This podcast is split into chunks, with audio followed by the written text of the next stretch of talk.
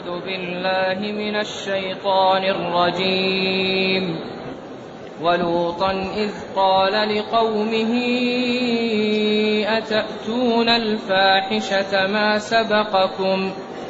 ما سبقكم بها من أحد من العالمين. إنكم لتأتون الرجال شهوة من دون النساء بل أنتم قوم مسرفون وما كان جواب قومه إلا أن قالوا أخرجوهم إلا أن قالوا أخرجوهم من قريتكم إنهم أناس يتطهرون. فأنجيناه وأهله إلا امرأته كانت من الغابرين.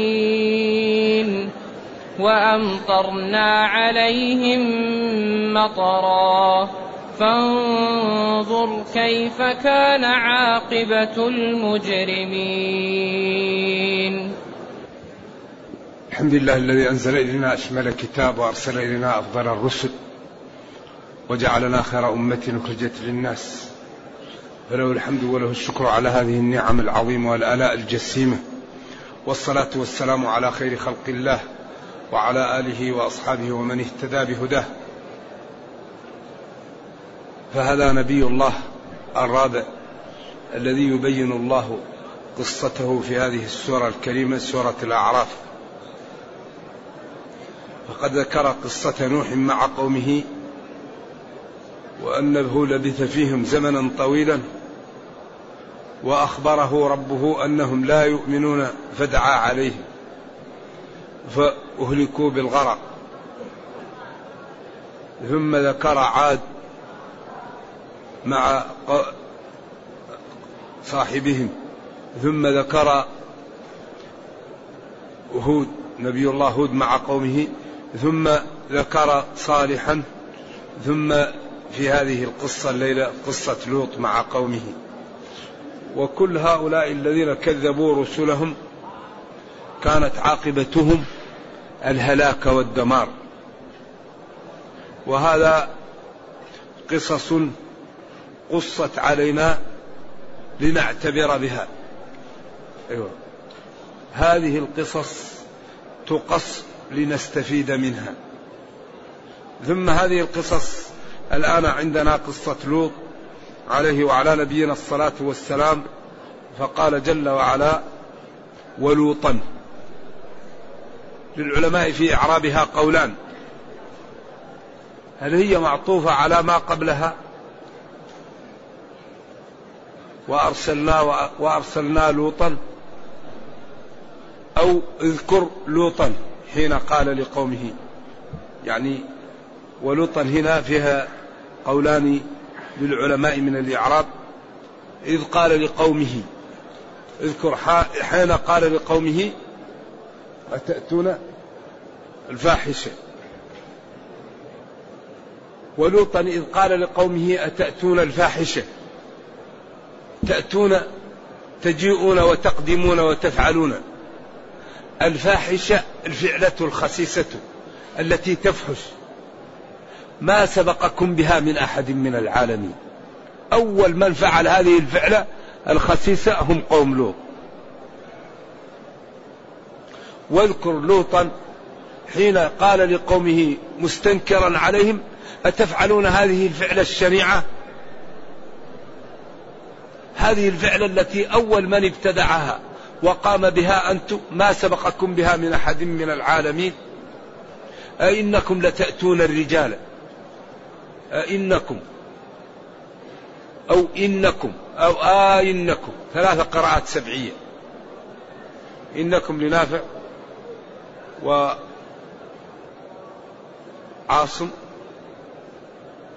آئنكم يعني للتسهيل بن كثير وأبو عمرو وأبو عمرو يدخل الهمزة آئنكم والباقي بالتحقيق أئنكم وكلها قراءة سبعية ولا يختلف المعنى بها. تأتون تقدمون على الرجال شهوة. الشهوة إما مفعول لأجله أو مناب عن المطلق من تأتون تشتهون أو حال في حال كونكم مشتهين ذلك. بل أنتم قوم مسرفون. بل أنتم قوم مسرفون على أنفسكم بهذه الفعلة الشنيعة الخسيسة التي لم يسبقكم أحد إلى فعلها.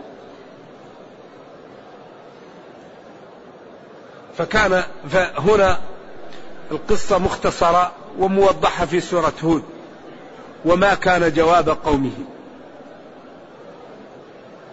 إلا أن قالوا ما إلا تماسكتا وجواب قومه قولهم. ما إلا استثناء مفرغ وإن يفرغ سابق إلا لما بعد يكون كما لو إلا عدم. ما كان جواب قومه إلا أن قالوا كان جواب قومه قولهم. أخرجوا آل لوط من قريتكم إنهم أناس يتطهرون. طيب بالله عليكم هل التطهر سبب للإخراج؟ أليس التطهر سبب للإكرام؟ سبب لإعطاء يعني الحوافز وإعطاء المكارم والهدايا لمن يتطهر؟ لكن هؤلاء لما فسدت فطرهم وأعوذ بالله مسخت عقولهم قالوا أخرجوا آل لوط من قريتكم. وما كان جواب قومه إلا أن قالوا أخرجوا آل لوط من قريتكم. لما لا نخرجهم؟ إنهم أناس يتطهرون يتنزهون عن هذه الفاحشة الشنيعة. لذلك هذا العمل الشنيع القبيح الخسيس اختلف العلماء في عقوبته إلى ثلاثة أقوال.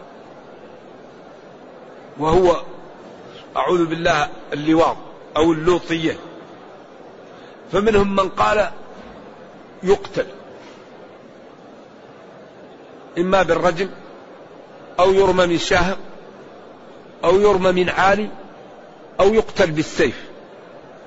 القول الأول يقتل سواء كان بالسيف أو يذهب إلى أعلى قمة ويرمى منها أو إلى أعلى بناء ويرمى منها أو يرجم بالحجارة يوضع في محل ويرمى بالحجارة.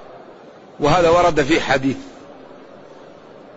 القول الثاني أنه يعامل معاملة الزاني لأنه تعريف الزنا قد يقع عليه فيعامل معاملة الزاني فإن كان محصنا يرجم وإن كان غير محصن يجلد.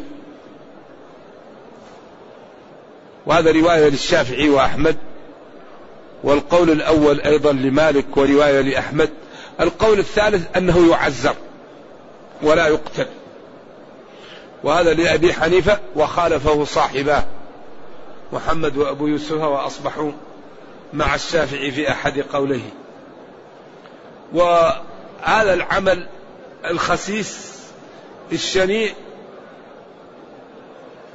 إذا استمر عليه الناس قد يقضي بنهاية البشر. لأنه إذا استغنى الرجال بالرجال والنساء بالنساء بعد مئة سنة ينقرض ينقرض العالم.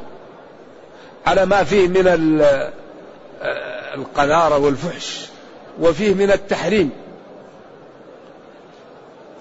ولذلك لوط لما جاءته الملائكة وضاق بهم ذرعا. ووصل إلى نقطة الصفر. قال له جبريل يا لوط إنا رسل ربك لن يصلوا إليك. ولذلك قال لهم لما هل أتاك لما جاءه الضيوف أول المقطع ما هو؟ ولما جاءت رسلنا لوطا سيء بهم. ولما جاءت رسلنا لوطا سيء بهم وضاق بهم ذرعا وقال هذا يوم عصيب. لأنه لا يعلم الغيب وظن أن الملائكة رجال وأنهم ضيوف وأن هؤلاء القوم الذين تعودوا على الخساسة والفاحشة وعلى العمل الشنيع يريدون أن يفعلوا هذا الفعل وبضيوفه. وجاءه قومه يهرعون إليه يسرعون. ومن قبل كانوا يعملون السيئات. قال لهم يا قوم هؤلاء بناتي بنات الحي هن أطهر لكم تزوجوهن فاتقوا الله ولا تخزوني في ضيفي. أليس منكم رجل رشيد؟ قالوا لقد علمت ما لنا في بناتك من حق وإنك لتعلم ما نريد. قال لو أن لي بكم قوة أو آوي إلى ركن شديد يرحم الله لوط لوطا كان يأوي إلى ركن شديد يأوي إلى الله. قالوا يا لوط إنا رسل ربك لن يصلوا إليك.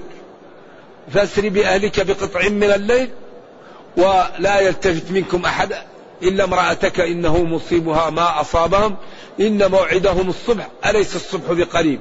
فلما جاء أمرنا جعلنا عاليها سافلها وأمطرنا عليهم حجارة من سجيل منضود مسومة عند ربك وما هي من الظالمين ببعيد. هنا القصة اختصرها وبين الله تعالى أن قوم لوط لما جاءهم لوط ونهاهم عن هذا العمل ولم ينتهوا عنه أهلكهم الله. ويقول جل وما كان جواب قومه إلا أن قالوا أخرجوا آل لوط من قريتكم إنهم أناس يتطهرون. لذلك النفوس إذا تعودت على الضلال رأت الحق باطلا. ورأت الباطل حقا. قريش لما قال لهم نبينا صلى الله عليه وسلم اعبدوا الله ما لكم من إله غيره قالوا أجعل الآلهة إلها واحدا؟ طيب الآلهة يستحيل أن تتعدد لأن الله يقول لو كان فيهما آلهة إلا الله لفسدتا. ما اتخذ الله من ولد وما كان معه من إله إذا لذهب كل إله بما خلق. يستحيل أن يكون في الكون إلا إله واحد. لأنه إذا كان في إله يقول إله يأتي بالظلمة الثاني يقول نأتي بالضوء الثالث يأتي بالشمس الثالث يأتي بالقمر الرابع يأتي بالمطر الثالث يأتي بالجدب فتتلاطم الآلهة فيهلك الكون. إذا ما يصلح إلا إله واحد. هم يقولوا أجعل الآلهة إله واحدا؟ الفطر إذا فسدت لذلك نرجو الله أن لا تفسد فطرنا. وأن يبقى ذوقنا سليم وأن نفهم الحق. لذلك قوم لوط لما فسدوا قالوا اخرجوا آل لوط من قريتكم. طيب لماذا إنهم أناس يتطهرون. طيب هل التطهر مدعاة للإخراج أو الإكرام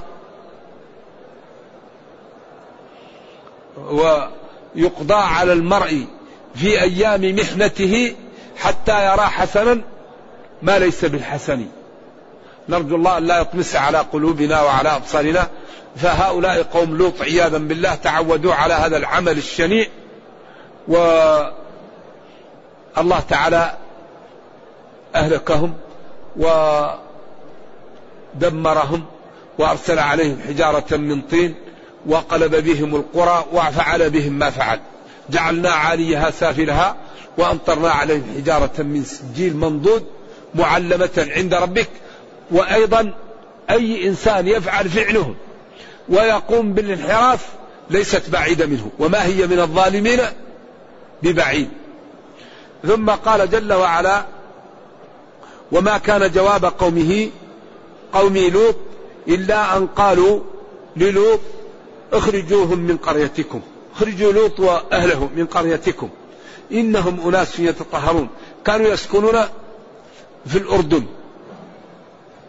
وكانوا لهم قرى منها سدوم هي أكبر القرى. وكان الله أنعم عليهم وأعطاهم خيرا كثيرا فبدلوا نعم الله كفرا فأهلكهم الله. لذلك الكفر دائما إذا انضمت إليه جريمة أخرى يأتي الهلاك. فاعل لوط تطفيف الكيل يعني الكفر ضميم الذنب آخر يهلك. لذلك أكثر ما يهلك الأمم الظلم. لأن الله لما خلق الكون خلقه بميزان. وضع الميزان. وقال لا تطغوا في الميزان. وأكثر ما يدمر الظلم والمعاصي. لذلك قال العلماء الدولة الكافرة إذا كانت عادلة تبقى. والدولة المسلمة إذا كانت ظالمة تزول. وأكثر ما يزيل الدول الظلم والمعاصي. ولذلك ذكر السيوطي في تاريخ الخلفاء في الدولة الأموية في الأندلس قال هذه كانت غير شرعية لا نطيل فيها. قلنا إذا عدم شرعيتها هو الذي سبب لها الزوال. الأندلس هذه. لما زالت؟ قالوا لأنها قامت على غير شرع لأنها استقلت ولا يصح لها الاستقلال. لأن الدولة العباسية سبقتها فينبغي أن تولي لها فلما استقلت وخرجت كان هذا ذنب وكان هذا الذنب سبب في زوال الأندلس بكاملها بعد ثمانية قرون من بقاء البلد. والظلم والمعاصي شؤمها عجيب. كان الصحابي يقول أعرف شؤم الذنب في خلق دابتي وفي خلق زوجي لأنهم عندهم يعني إيمان راقي فإذا أحدهم عمل المعصية رأى أثرها في بيته. أما الذي تبلد يفعل المعصية ولا يراها لها أثر لأنه إحساسه ضعيف. فكل مشكلة تقع بالذنوب. ثم إنهم أيضا اتفقوا على أنه لا يجوز للرجل أن يأتي أهله في دبرها. وما ورد عن ابن عمر وما ورد عن بعض السلف محمول على إتيان المرأة من جهة دبرها في قبولها. والله تعالى حرم محل الحرث في وقت اتصافه بالحيض أو النفاس لأن هذا قدر يأتي في وقت محدد ويزول. فكيف يبيح محل طول حياته محل مهيأ للقدر والنجاسة؟ قال ويسألونك عن المحيض قل هو أذى فاعتزلوا النساء في المحيض ولا تقربوهن حتى يطهرن فإذا تطهرن فأتوهن. من حيث أمركم الله. من حيث أمركم الله هو محل الحرث. وقال نساؤكم إيش؟ حرث لكم. مكان لحرث الولد. فأتوا حرثكم. أن شئتم إذا كان في محل الحرث. أما إذا حول رحله لغير محل الحرث هذا ما يسمى حرث. ولذلك ملعون من أتى أهله امرأته في دبرها. إذا يحمل على أنه أتى أهله في قبولها من جهة دبرها. وكانت اليهود تقول إن الرجل إذا أتى أهله من جهة دبرها في قبولها يأتي الولد أحول. فكذبهم الله وقال نساؤكم حرث لكم فأتوا حرثكم أن شئتم إذا كان في صمام واحد إذا كان في محل الحرث. أما أنه يبيح أن يأتي الرجل أهله في غير محل الحرث فهذا خطأ والإجماع منعقد على تحريمه. لا يجوز. وما قيل من ذلك فهو محمول على ما ذكرنا وباطل ومما يدل على ذلك النصوص الواردة في ذلك. فليتقي المسلم ربه ويعلم أنه لا يحل له أن يأتي للمرأة إلا في قبولها ولا يحل له من النساء إلا الزوجة والأمة فقط. والذين هم لفروجهم حافظون إلا على أزواجهم أو ما ملكت أيمانهم. والتحقيق أن العادة السرية التي يسميها العرب جلد عميرة محرمة. ومن قال من العلماء إنها كالفصد عند الاضطرار هذا كلام مرجوح. ولكنها لا شك قد تكون أخف من الزنا. أما أنها تباح فلا تباح لأن الله قال والذين هم لفروجهم حافظون إلا على أزواجهم أو ما ملكت أيمانهم فلا يجوز للمسلم أن أن يستعمل يده ولا أن يستعمل آلة. وإن استطاع أن يتزوج يتزوج وإن لم يستطع فعليه بالصوم وعليه بالتعفف حتى يغنيه الله.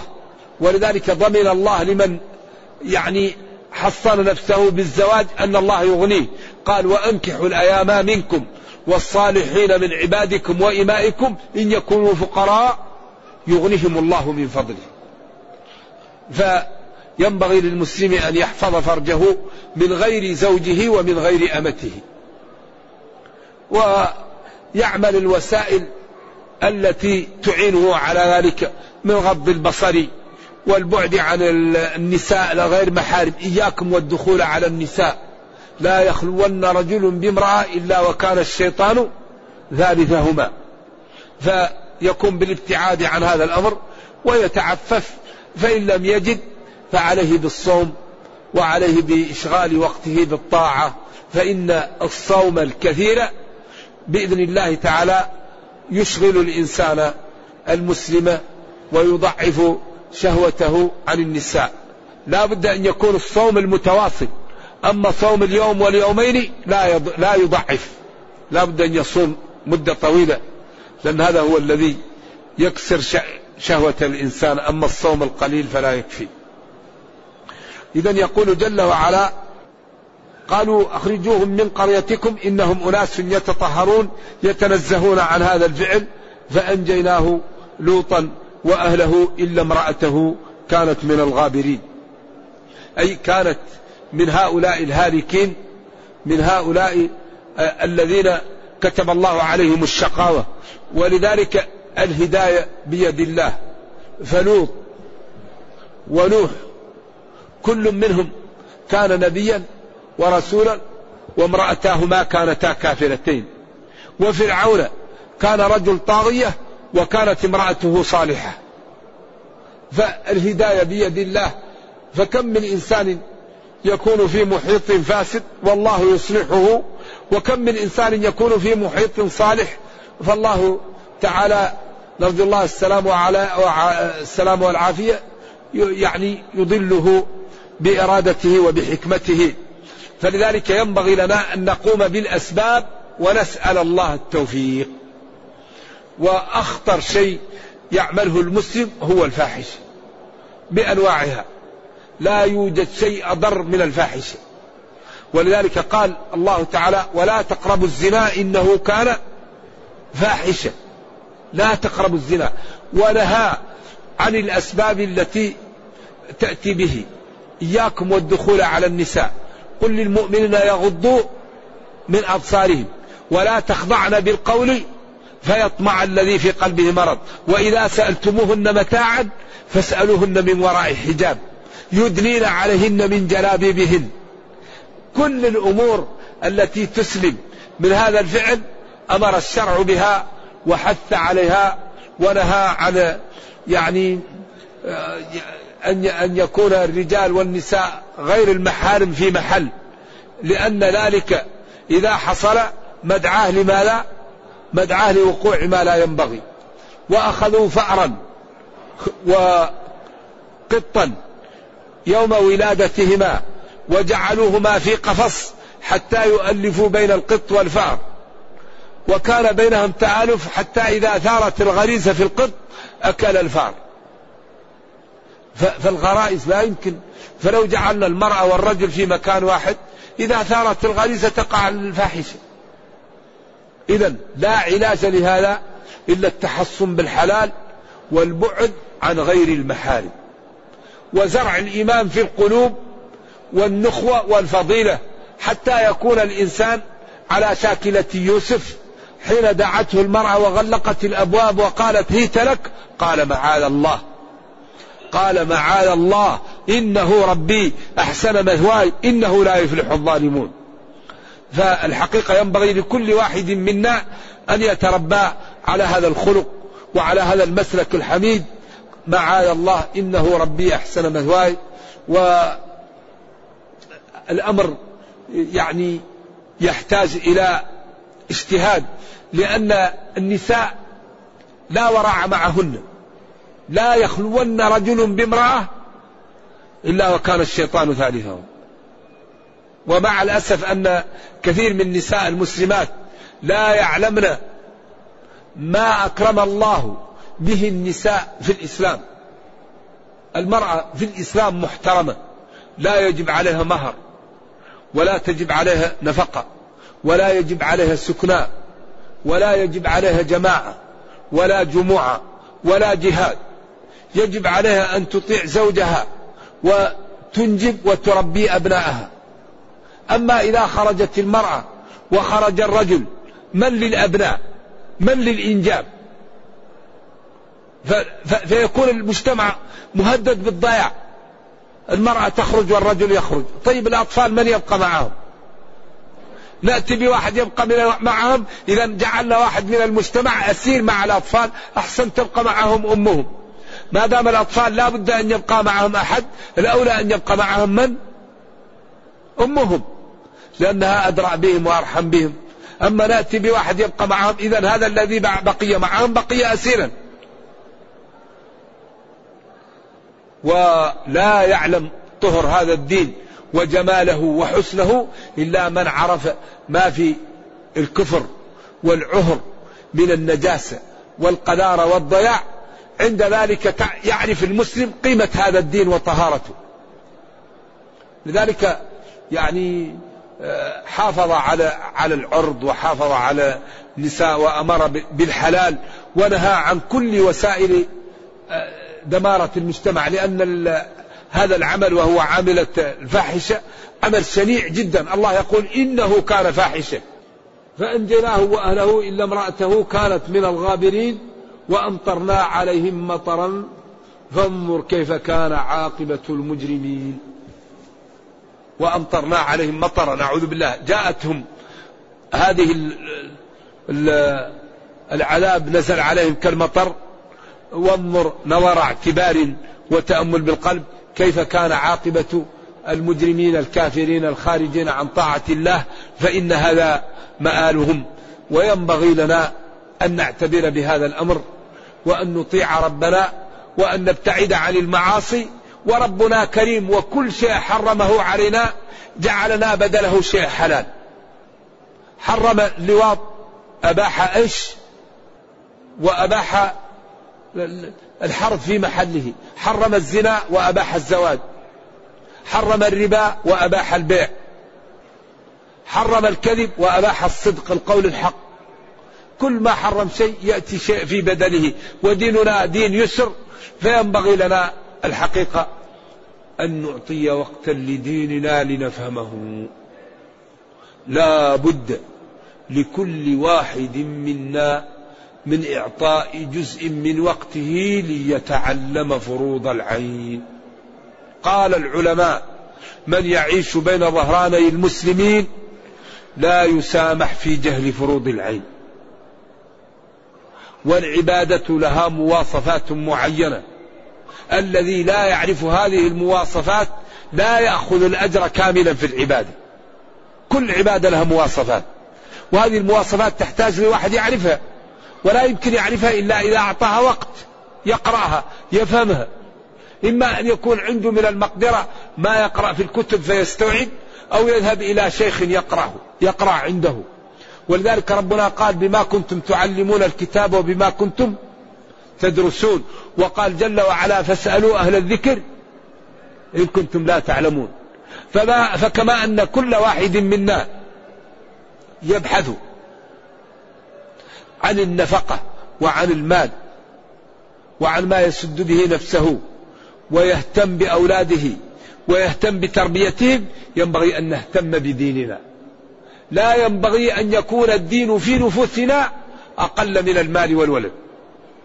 لا بد أن نجعل الدين فوق المال أو الولد أو على الأقل إيش؟ يساويهم إنما أموالكم وأولادكم فتنة. والله عنده أجر عظيم. ما تجدون من المتع في المال والولد أعظم منه ما عند الله من الأجر لو اتقينا الله في المال والولد. لذلك حري بنا أن نفهم هذا الدين وأن نعمل به وأن نظهر للناس جماله في حياتنا لأن الدين لا يظهر إذا لم يطبق. الدين جماله في تطبيقه الدين جماله في, في, في, في, في التمسك به في تمثله. إذا تمثلنا الدين غير المسلمين يدخلون في الإسلام. لأن الدين ينهى عن الكذب. الدين ينهى عن الغش الدين يمر بإكرام الضعاف الدين يأمرك بإكرام الوالدين بإكرام الجيران بالإيثار بالصدق بعدم النميمة بعدم الغش بعدم التنابز بالألقاب بعدم السخرية بالإيثار بالستر. الدين يأمرك بكل فضيلة الدين ينهاك عن كل رذيلة. فإذا تمثلنا الدين غير المسلمين دخلوا في الإسلام. لذلك صحابة رسول الله صلى الله عليه وسلم نشروا الإسلام في أصقاع العالم في مدة وجيزة. في خلال خمسين سنة لم يبقى بلد إلا ودخله الإسلام في العالم. إلا بلاد قليلة جدا. وصل الصين ووصل أوروبا ووصل وراء الحبس ووصل إلى شبه جزيرة البلقان. ولما جاءوا لهؤلاء قال صفوهم لنا. قال هؤلاء في الليل رهبان وفي النهار فرسان. والواحد منهم أمنيته أن يموت. ولا تفرق بين الرئيس والمرؤوس. وإذا فتحوا بلدا وزعوا الثروة بين الفقراء. فقالوا هؤلاء يعطيهم ما سألوكم. لا طاقة لأحد من الأهرب بهم. ولذا نحن أكبر ما يعوقنا المعاصي. أكبر ما يهزم المسلمين المعاصي. أكبر ما يهزم المسلمين الخلاف. أكبر ما يهزم المسلمين الانشغال عن, عن الأمور التي أمرهم الله بها. ولا تنازعوا فتفشلوا. وأعدوا لهم ما استطعتم أوامر ونواهي أوامر معطلة ونواهي منتهكة هي التي قوضت العالم الإسلامي إذا كيف نقوى؟ أن نتمثل الأوامر ونكف عن النواهي ونقوم بالأسباب. لأن الله لما خلق الكون خلقه بقانون المسببات. أوفوا بعهدي أوفي بعهدكم. أوفوا بعهدي أوفي بعهدكم. لئن أقمتم الصلاة وآتيتم الزكاة وآمنتم برسلي وعزرتموه وأقرضتم الله قرضا حسنا لأكفرن عنكم سيئاتكم ولأدخلنكم جنات تجري إن الله اشترى. إن الله اشترى شراء بيع. فما ما يمكن الواحد يأخذ الثمن ما دفع المهمون. لذلك ينبغي أن نقوم بالأسباب. إذا لم نقم بالأسباب لا يمكن أن أن نصل إلى إلى إلى, إلى الغاية.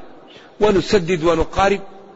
ونمشي عدل فلا نتهور ولا نتهالك ونعلم أن الله تعالى كريم وأنه قادر وأن الذي انضوى تحت شرعه ودينه الله يحميه الذي يسير على شرع الله الله يحميه لن يضيعه. إن الله يدافع عن الذين آمنوا.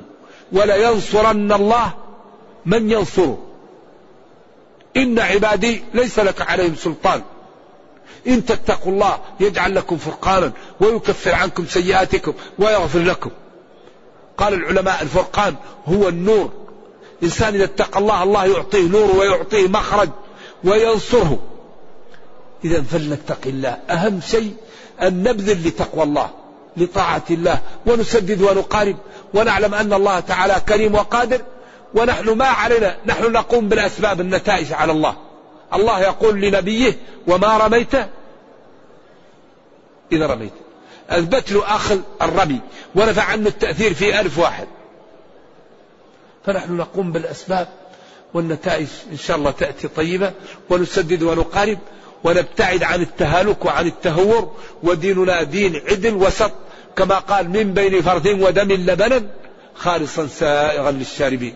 بين اليهودية والنصرانية وسط. لا رهبنة ولا آثار وإنما هو عدل. أباح القصاص وأباح والعفو وأباح الدية. فهو دين السهالة دين السماحة دين الجمال دين الحسن. فحري بنا أن نفهمه. حري بنا أن نظهر للناس جمال الدين. حري بنا أن نتجمل بالدين. تجد بعض المسلمين لا يريد أن يظهر أنه مسلم أعوذ بالله. الله أكرمك بالإسلام وبأنك من أتباع سيدنا محمد صلى الله عليه وسلم وممن أنزل عليه القرآن وآمن به ومن أشرف الأمم ومع ذلك تستحي أن تكون مسلما. هذا لا بد المسلم يتجمل بالإسلام ويتزين بالإسلام ويقول إنني من المسلمين. فإذا جاءت امرأة تريد أن تصافحه يقول لا نصافح النساء. النبي صلى الله عليه وسلم ما يصافح الأجنبيات. وإذا أراد حط له ميتة يقول لا نأكل الميتة. وإذا حط له الخنزير يقول الخنزير محرم. حتى لو سافر برا يقول الإسلام يمنع مني كذا. أنا أكرم جيراني لأن الإسلام أمر بإكرام الجيران. ونكون حياتي كلها دعوة مع الناس. أما يأتي الوقت ونقول أستحي أصلي لأن هؤلاء غير مسلمين. أصلي في أي محل وأذكر الله وأظهر إني مسلم ولا أكتم إيماني أبدا. والحمد لله وخصوصا أن الآن ما فيه بلد يقتل فيه المسلم. ولذا إذا جاءت الحريات الإسلام يعلو ولا يعلى عليه. فحري بنا الحقيقة أن نستغل الأنظمة التي تعطي فسحة للعالم الآن وندعو للإسلام وننقذ البشرية من الكفر؟ لأن كثير من هؤلاء الكفار إذا دخلوا النار يلببوننا يوم القيامة ويقولوا يا ربنا إن المسلمين عندهم دين صحيح حالوا بيننا وبينه لأنهم لم يبينوا لنا جمال هذا الدين ولم يوصلوه لنا بل نفرونا منه لأعمالهم المخالفة للإسلام. فالله الله وربنا جل وعلا يقول ربنا لا تجعلنا فتنة للذين كفروا. نرجو الله جل وعلا أن يرينا الحق حقا. ويرزقنا اتباعه وأن يرينا الباطل باطلا ويرزقنا اجتنابه وأن لا يجعل الأمر ملتبسا علينا فنضل. سبحان ربك رب العزة عما يصفون وسلام على المرسلين والحمد لله رب العالمين والسلام عليكم ورحمة الله وبركاته. نسب هذا الفعل للوط لأن قومه فعلوه فقالوا اللوطية نعم لأن قوم لوط فعلوه. فنسب لهم لأنهم هم أصحابه نعم. ولوط بريء طبعا من هذا. يقول ما قدر الله يعني نفى عنهم. ما عظموا الله حق عظمته. أيوة. لأن الكفار لو قدروا الله لما كفروا به. حين قالوا ما أنزل الله على بشر من شيء. ولذلك كذبهم ونتج وطوى النتيجة. قل من أنزل الكتاب الذي جاء به موسى. موسى بشر وأنزل عليه كتاب إذا أنتم كذبة فطوى النتيجة. وهذا من أساليب القرآن الرائعة. لذا القرآن لا يقاوم إلا بأمرين. وهما ما الأمران اللذان يقاوم بهم الإسلام؟ التجهيل. يكون المسلم جاهلا بدينه. أو يقال للمسلم لا تتكلم في دينك ولا تبين. أما إذا فهم المسلم الإسلام وسمح له بالكلام فلا يقاوم. الإسلام يعلو ولا يعلى عليه. تبيانا لكل شيء. ما فرطنا في الكتاب من شيء. وكل ما تنزل بالمسلمين نازلة نازلة ففي القرآن السبيل إلى حلها. تبيانا لكل شيء. كيف تنام؟ كيف تبيع؟ كيف تشتري؟ كيف تعامل والديك أولادك أعدائك زوجك؟ حتى يعلمك كيف تمشي في الطريق. ولا تمشي في الأرض مرحا إنك لن تخرق الأرض ولن تبلغ الجبال طولا. كيف تبيع؟ كيف تشتري؟ كيف تنام؟ كيف تتطهر؟ كيف تسافر؟ الإسلام دين رائع. ولذلك حري بنا أن نفهمه وأن نظهر للناس جمال هذا الدين. يعني الله يقول وتعاونوا على البر أين نحن من هذا الأمر؟ ولا تنازعوا فتفشلوا. أين نحن من هذا النهي؟ أوامر ونواهي معطلة هي التي سببت للأمة هذا الضعف. وما لم نفعل هذه الأوامر ونكف عن هذه النواهي لن نكون في المكان اللائق بنا. وكل واحد منا يقوم بما يستطيع. عند ذلك يقوى المجتمع وتقوى الأمة. وربنا كريم. ونرجو الله جل وعلا أن يتوب علينا وعليكم. السلام عليكم ورحمة الله.